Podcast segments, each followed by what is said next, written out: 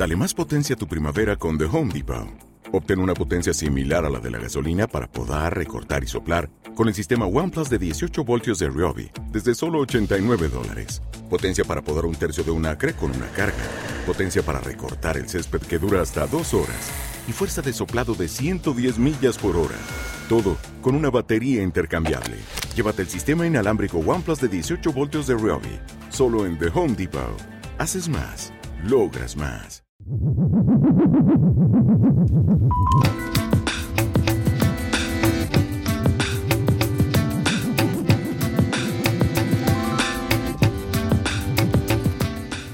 tempo da conversa desta tarde imos coñecer o que son as enfermidades desatendidas. E para coñecer eh, toda esta realidade son os nosos convidados a Fundación Mundo Sano que traballa desde 1993 na loita contra as doenzas desatendidas. Juan José de los Santos é o coordinador de Mundo Sano. Moi boas tardes, Juan José. Hola, buenas tardes, Manuel, como estáis? Moi ben.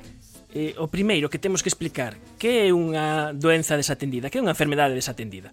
Mm, bueno, mm, las enfermedades desatendidas con las que nosotros trabajamos desde Argentina en los años 90 y aquí en España desde 2010 pues son es un grupo de enfermedades que ya han sido definidas por la OMS, eh, es un grupo que ahora son 18 y que eh, bueno pues eh, afectan a las poblaciones más pobres del planeta, que, que, es una pena decirlo, pero es una de cada seis personas las que en, en, el mundo, pues un billón de los seis que ahora somos, que sufren estas enfermedades causadas por, pues por parásitos, virus, bacterias, y eh, que tienen en general una fácil solución que por poco dinero y con prevención se podrían paliar, pero mm, como afectan a, este sector de la población tan desfavorecido que por lo general no tiene eh, voz ni voto, pues eh, se mantienen y, han perdurado pues por, por todos estos años y es una de las grandes asignaturas pendientes de la salud a nivel mundial eh, falamos de enfermedades desatendidas, podríamos decir enfermedades desde o punto de vista noso do norte esquecidas, olvidadas. Sí, olvidadas porque precisamente por eso, porque nadie quiere mirar hacia ellas, dado que requieren un tiempo y un esfuerzo que no van a ser recompensados como si se dedicasen a, a otras enfermedades que afectan a las, a las poblaciones pues más pudientes. Si se quiere decir, son más rentables. Nosotros estamos apoyados por una por una empresa farmacéutica, sobre todo de, de, genéricos, y, dentro de su visión pues han decidido que, estas enfermedades no podían seguir quedando desatendidas. Ahí la fundación surge para combatir el Chagas en, América Latina, desde Argentina, y bueno, ahora en 2010, que es una empresa hispano-argentina, pues eh, se preguntaban, hombre, ¿y en España en qué podríamos trabajar? Y, la verdad es que lo que tenemos en España es mucha cantidad de inmigrantes latinoamericanos. Eh, desde el año 2000 España es el mayor receptor de inmigrantes después de Estados Unidos, se convirtió, y muchos latinoamericanos por razones obvias, eh, culturales. Bueno, primero en España se emigró mucho hacia América Latina y ahora de América Latina pues también se está recibiendo mucha inmigración de, en España y bueno, pues decidieron que había que también poner el foco desde España en esta enfermedad e, e en eso estamos trabajando desde aquí. Eh, xa que estamos entón a falar de, de Chagas, é o momento de presentar a, tamén a nosa convidada hoxe, que é Miriam Navarro, que é médico, especialista en parásitos, en medicina tropical. Moi boas tardes, Miriam. Hola, buenas tardes, Manuel. O Chagas aquí non o coñecemos moito, pero eh, en, en América do Sur sí que é ben coñecido e esa é unha enfermidade que se transmite eh, a través da vinchuca. Que eu a primeira vez que vim falar da vinchuca foi eh, escoitando a Lelutier. Sí, el insecto que transmite esta enfermedad en, en, los países de donde es endémica, que es eh, en Latinoamérica, todo Centroamérica, Sudamérica y, y México, exceptuando las islas del Caribe, eh, principalmente se conoce como vinchuca en la mayoría de los países, aunque también se le conoce como pito, chupón, eh, barbeiro en Brasil, por ejemplo. Y una Unha das formas dos xeitos eh, de loitar, obviamente, contra eh, unha doenza deste tipo e acabando que vos chamades o, o vector, o bicho que, que transmite a doenza, se acabas co bicho, acabas con parte do problema. Ese é un, ese é un dos abordaxes. En efecto, eh, uno de los abordajes de este tipo de enfermedades es el del de, control del vector, del insecto que transmite la enfermedad. Em, lo que pasa es que también hay que controlar otras cosas, también hay que abordar otras, otras facetas. Por ejemplo, otras vías de transmisión. Aparte de la vía vectorial, tenemos también a través de las, transfusiones de sangre, de los trasplantes de órganos y de madre a hijo. Por otra parte, lo que hay que hacer también es hacer un diagnóstico temprano eh, de los afectados y eh, tratar también cuanto antes para también controlar la transmisión y mejorar la calidad de vida de las personas que tienen eh, este parásito, que tienen la enfermedad. Porque pode ser o caso de que unha persoa ten, teña esta doenza pero que non o saiba e que o teña durante moito tempo.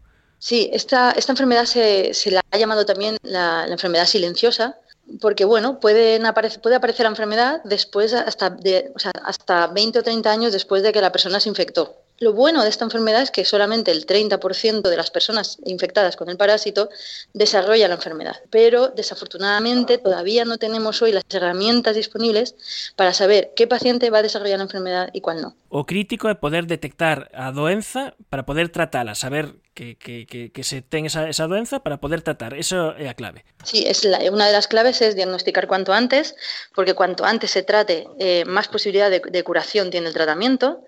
Una de las características de estas enfermedades desatendidas es que se investiga poco sobre ellas, por, por esta vulnerabilidad de las personas que la padecen, por ser poblaciones ocultas, poblaciones pobres, no se ha investigado mucho.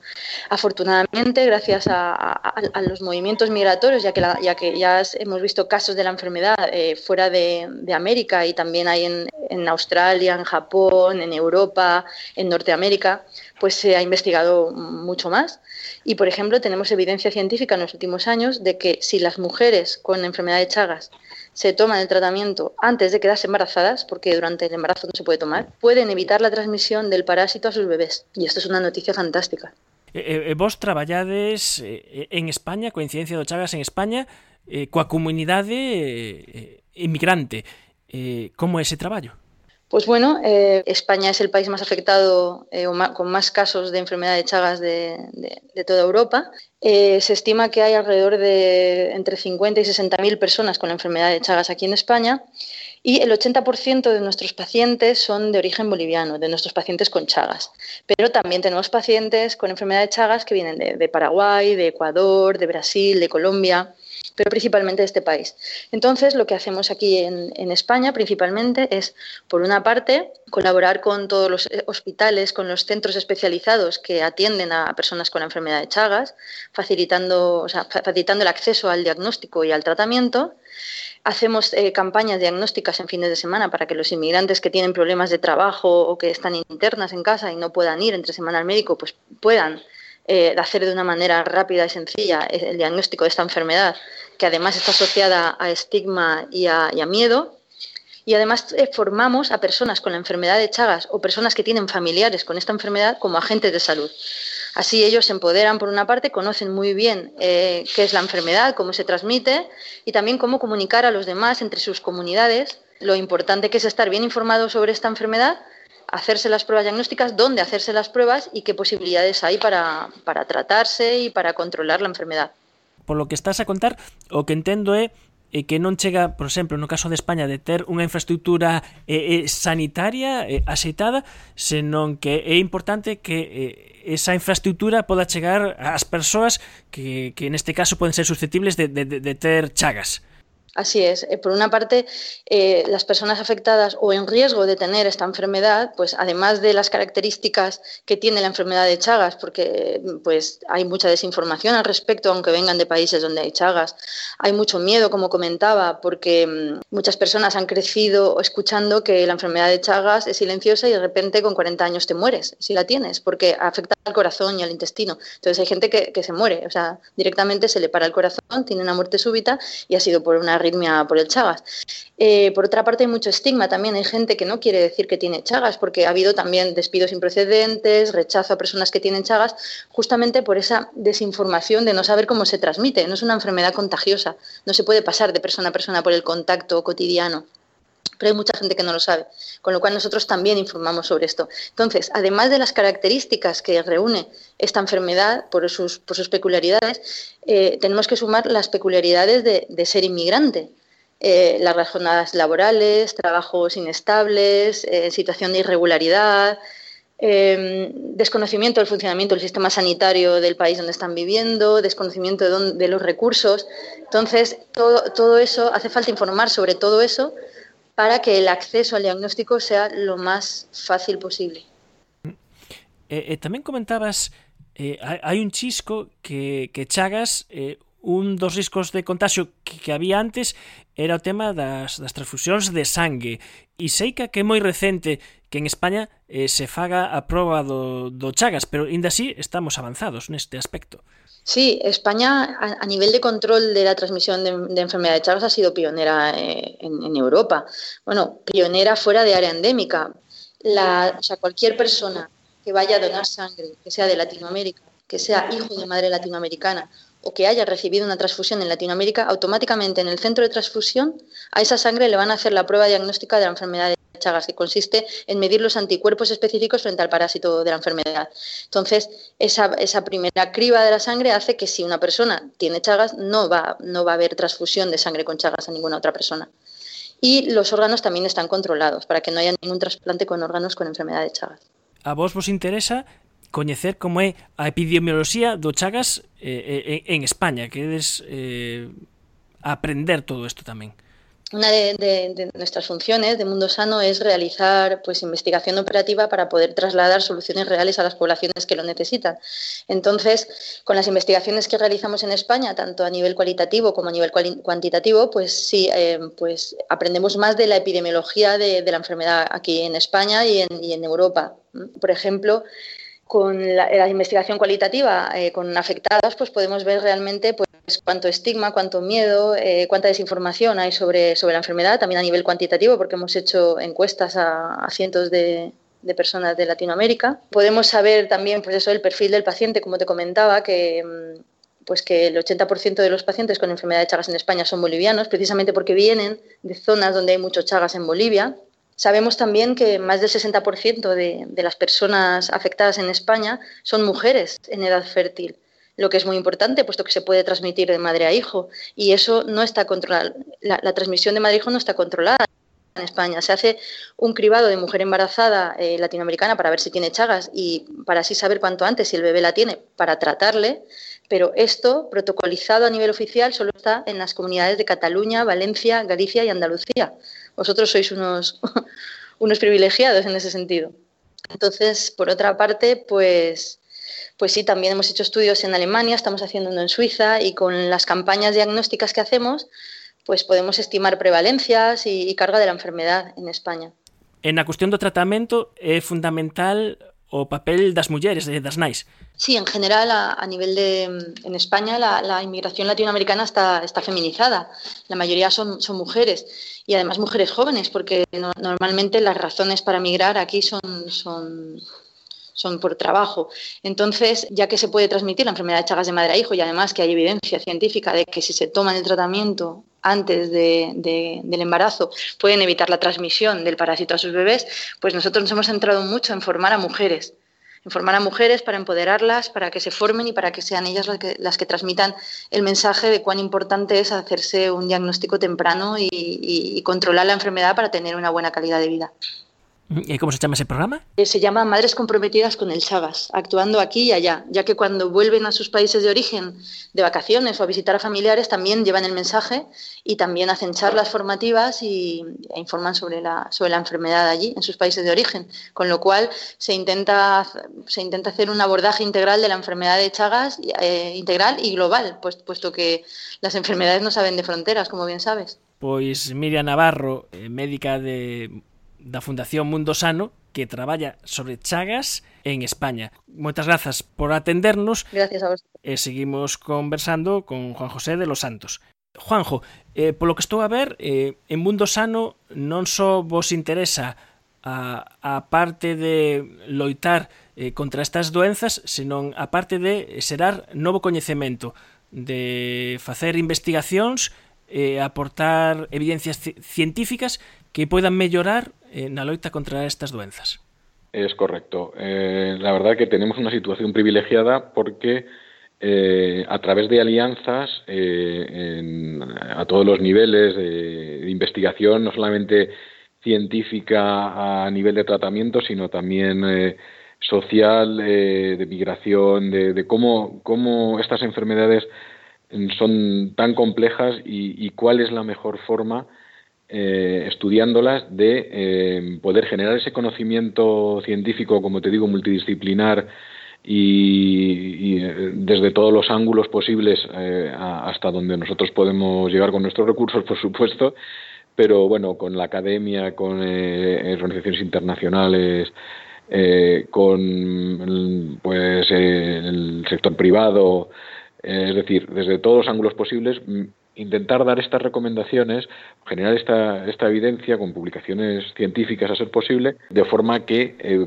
podamos generar esa evidencia que ayude a que los tomadores de decisiones en salud pública eh, puedan cada día pues ir dando pasos para que el abordaje de estas enfermedades sea lo más eficiente posible. falabas antes de que estabas los tres continentes vamos a dar ese paso imos dar ese paso cara a África. Arancha Amor, moi boas tardes. Buenas tardes. Arancha Amor é médico de familia, ela é especialista en microbioloxía e parasitoloxía e eh, desenvolve o proxecto de Mundo Sano en Etiopía. E vos, Eso é. o voso problema eh, son unha serie de parasitos intestinais que teñen o nome de elmintiosis, como é? Eso é. El mintiasis o geoelmintos, más específicamente, que quiere decir que son parásitos que se transmiten por el suelo. E que eh, surden en condicións, eh, cando hai condicións de moi pouca salubridade. Eso es. Normalmente las personas infectadas los expulsan por las heces y en condiciones de pobreza, sin higiene, sin saneamiento, la gente vuelve a contagiarse a través del suelo, que es donde han quedado. Vos, o que vedes no voso traballo de campo, eh, que dentro das doenças desatendidas hai incluso uns parasitos que nin tan siquiera están contemplados polo de agora. Sí, efectivamente. En este grupo de enfermedades desatendidas, la OMS incluye cuatro parásitos. Hay un quinto que se llama Strongyloides estercoralis y que por ciertas particularidades, por ejemplo, no se elimina en las heces como huevo, sino como larga, larva, tiene un diagnóstico diferente, tiene un tratamiento diferente y luego no afecta fundamentalmente a niños como otros de los elmintos, sino que afecta, afecta a adultos y por estas cosas la OMS no los ha incluido en la lista de, enfermedades desatendidas. Nosotros, eh, desde la Fundación Mundo Sano, trabajamos en el sentido de que si esto, este parásito se busca bien, se encuentra, su prevalencia es muy alta y debería tratarse, por tanto, incluirse en el grupo de enfermedades desatendidas. Eh, ¿Cómo se trata? Se trata con otro antiparasitorio. La OMS en sus programas de desparasitación para niños recomienda una familia de antiparasitarios que no son eficaces con este parásito. Se trata con otro que se llama ivermectina y lo que nosotros proponemos es que en los programas eh, de control y eliminación de estas eh, mintiasis se incluya la ivermectina con los otros antiparasitarios que son en general el albendazol y con la combinación de los dos fármacos podríamos eh, erradicar o por lo menos tratar o disminuir la carga tanto de los elmintos incluidos como del estrongiloides estercoralis. No es un problema complicado, es simplemente añadir un fármaco a lo que a los programas.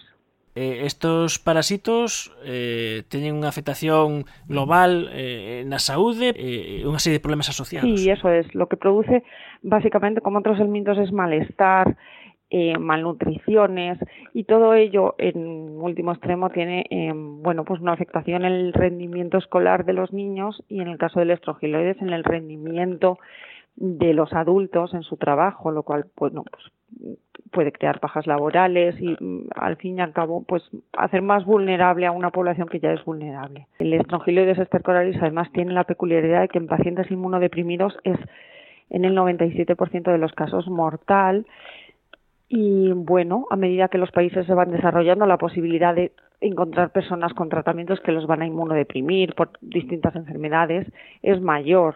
Es decir, que personas infectadas con estrongiloides estercoralis pueden llevar una vida relativamente normal, sin mucha sintomatología, pero una vez inmunodeprimidos tienen un 97% de posibilidades de morir por una hiperinfestación por estrongiloides.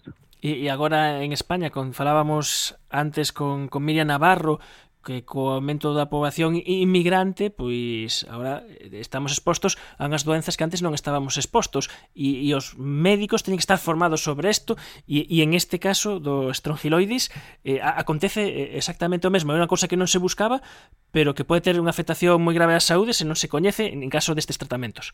Sí, efectivamente. Est eh, hemos visto ya casos en España de gente que viene de países endémicos, por ejemplo, un una persona con una leucemia que se inmunodeprime por, para, por el tratamiento que conlleva la leucemia y en ese momento hace una hiperinfestación por estrongiloides.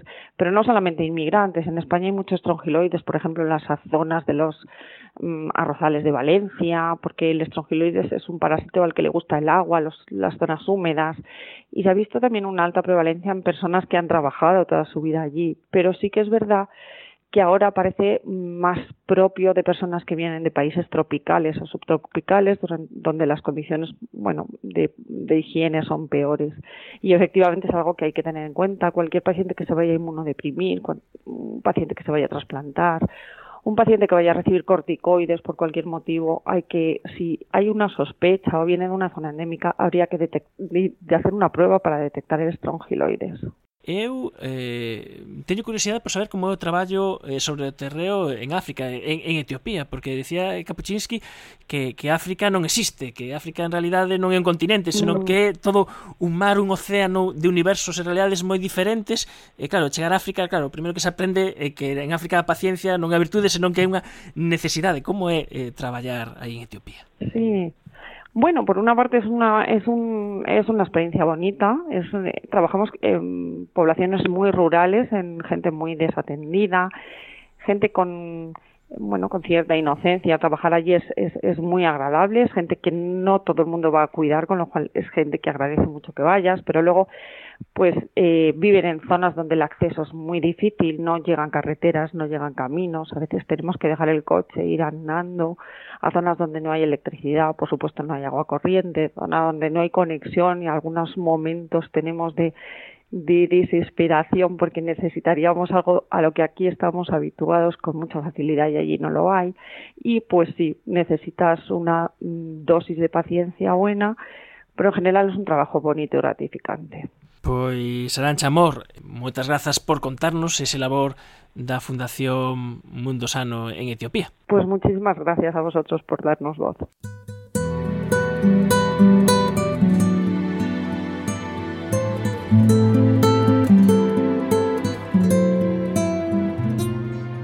Esta foi a nosa viaxe para coñecer o que son as enfermedades desatendidas. Vimos de estar en África, con Arancha Amor coñecemos o caso do Chagas e dos inmigrantes en España e foi o noso guía nesta excursión global Juan José de los Santos da Fundación Mundo Sano e non sei, Juan José, para rematar eh, cal pensas ti que debe ser a mensaxe importante coa que nos debemos quedar todos eh, referente ás doenzas desatendidas? Como tú bien decías y hablábamos antes, estas enfermedades tenemos que aprender a ponerlas en positivo, a, darles un marco de, color, de, esperanza, de motivación, de ilusión y no ese otro del que venía colgándose de, oscuridad, de, pobreza y, de, desesperanza, porque no, no lo tienen. Realmente son cosas que son enfermedades que por muy poco, con muy poco esfuerzo se puede hacer mucho, que pueden mejorar muchísimo la calidad de vida de las personas y que en pleno siglo XXI parece mentira que todavía sigamos eh, atendiendo estas, estas enfermedades cuando ya deberían estar eh, no, no, no, solamente olvidadas, sino eh, realmente erradicadas de la agenda, pero no es así y seguiremos luchando por ello.